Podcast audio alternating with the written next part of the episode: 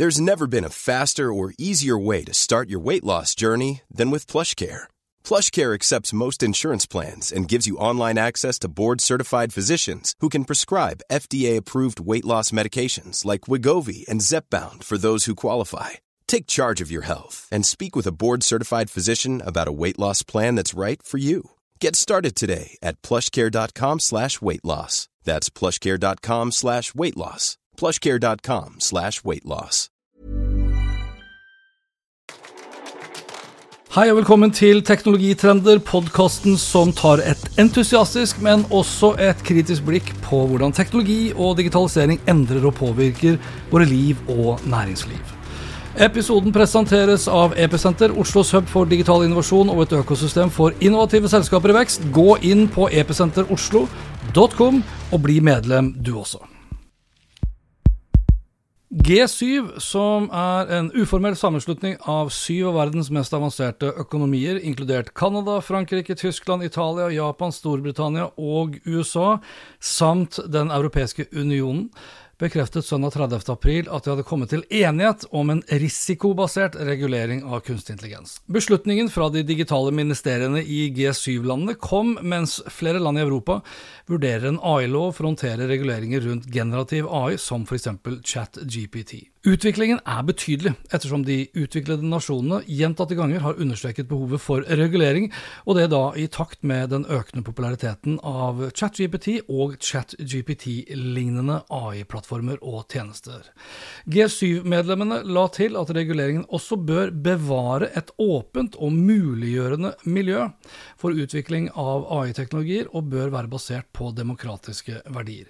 Her er det viktig å legge til at selv om ministrene anerkjente at politikkverktøy for å oppnå den felles visjonen og målet med pålitelig AI kan variere mellom G7-medlemmene, ja, så setter avtalen en slags template eh, for hvordan man skal kontrollere den kunstige intelligensen, sett i lys av personvernbekymringer fra flere ulike hold. Konklusjonene fra dette G7-møtet viser at vi absolutt ikke er alene i dette, sa Margrethe Vestager, visepresident i Europakommunikasjonen til nyhetsbyrået Reuters før avtalen kom på plass. Vestager foreslår flere føringer for bruk av kunstig intelligensverktøy, som f.eks. plikt til å merke KI, eller AI-genererte bilder. Og merking av AI-bilder ja, det er jo én ting, som f.eks. de siste portrettbildene av meg selv, som jeg da har lagt ut på hanspetter.info slash presse, som ikke er eh, fotografert av en portrettfotograf, men laget da av AI. En annen ting er hvordan man skal merke videoer, og da videoer som f.eks. inneholder alt fra syntetiske skuespillere, politikere, nyhetsreportere og musikere. Og innenfor musikk hvordan skal man da håndtere f.eks. den eksplosjonen vi ser av syntetiske utgaver av musikk og nye låter som nå har begynt å dukke opp, hvor ukjente personer i frykt sikkert for represalier og forfølgelse, har brukt da syntetiske stemmer fra artister som f.eks. Drake, til å lage ny musikk, og da selvfølgelig da ved hjelp av kunstig intelligens. Og da er det ikke lenger snakk om opphavsrett, men helt nye lover og regler om hvordan man skal regulere intellektuell eiendom, hvor eiendommen er da alt fra ditt og mitt ansikt, stemmene våre, og de ordene da som kommer ut av disse syntetiske ansiktene og stemmene. Og det er jo ikke bare for å beskytte musikere, men til syvende og sist også for å håndtere rett og slett sannheten. Og Kunstig intelligens, da anført av ChatGPT, har siden lanseringen 30.11 tatt verden intet mindre enn med storm, og sånn sett også blitt tatt i bruk av fryktelig mange på rekordtid. Samtidig har teknologien blitt møtt med skepsis fra myndigheter og enkelte eksperter, for aldri før i historien har det vel gått såpass kort fra et produkt, et verktøy eller en tjeneste har blitt lansert, til alt fra da myndigheter, utdanningsinstitusjoner og akademia og bransjer i nærmest fellesskap har uttrykt uh, til det som kan ligne på apokalyptiske tendenser, eller frykt for det. Og til dels med rette også. Bekymringen knyttet til spredning av desinformasjon og propaganda samt mulige scenarioer der arbeidsplasser raskt kan forsvinne, ja, de er ikke nødvendigvis grunnløse. ChatGPT skapte et aldri så lite Jesus-øyeblikk 30.11.2022, og har siden den gang blitt den raskest voksende applikasjonen i verdenshistorien. Intet mindre. I kjølvannet av ChatGPT har det vokst frem et økosystem av AI-verktøy og tjenester som snart teller 10 000 i antall hvor alle i en eller annen form lover nærmest gull og grønne skoger, i form da av økt kreativitet, økt effektivitet, økt produktivitet, og samtidig selvfølgelig også da redusert behov for ekte mennesker. For noen er glasset halvfullt, for andre er det halvtomt, og samtidig reiser den generative AI-teknologien en rekke spørsmål relatert til hvordan man da skal beskytte immaterielle rettigheter, inkludert opphavsrett samtidig som man skal fremme åpenhet og håndtere desinformasjon, inkludert informasjonsmanipulering, og det da fra annet utenlandske krefter. Her kan jo da nevnes Kina, Russland, Iran og kanskje også da Nord-Korea som de man frykter mest av alt.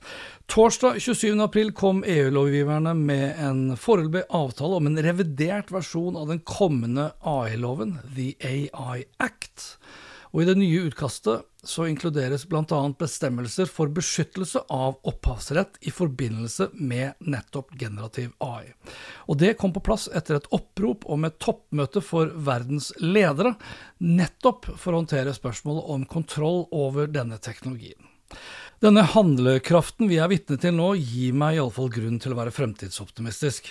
Som jeg skrev tilbake på digi.no i februar i år, da jeg tok opp ni forslag til reguleringer av kunstig intelligens, ja, så vil fremtiden i økende grad bli preget av teknologi og kunstig intelligens. En fremtid hvor den kunstige intelligensen vil sameksistere med vår menneskelige intelligens, og på et eller annet tidspunkt også da smelte i hop det er en annen sak. Men på samme måte som vi har da etablerte regler, både juridiske, etiske, moralske og fornuftige, ja, så vil det utvilsomt også være best om eh, vi får på plass gode reguleringer for å sikre en ansvarlig, trygg og bærekraftig utvikling av kunstig intelligens. Lar vi utviklerne selv få lov til å utvikle kunstig intelligens på sine egne premisser, ja, så kan jobben med å regulere i ettertid komme fort for sent. Når teknologiutviklingen skjer i et eksponentielt omfang og i en eksponentiell hastighet, så er det ikke lenger nok å planlegge for det beste. Vi må også være forberedt på det verste, som jeg skrev på digi.no, og det ser det også ut til at verdenssamfunnet, anført av G7-landene, også nå viser at de er, og det skal vi være veldig glad for. Og dette var det for denne gang. Inntil neste episode, vær nysgjerrig, still kritiske spørsmål, ikke bli en teknologisjåvinist, for det er den eneste måten å møte vår digitale fremtid. Snakkes. Hei då.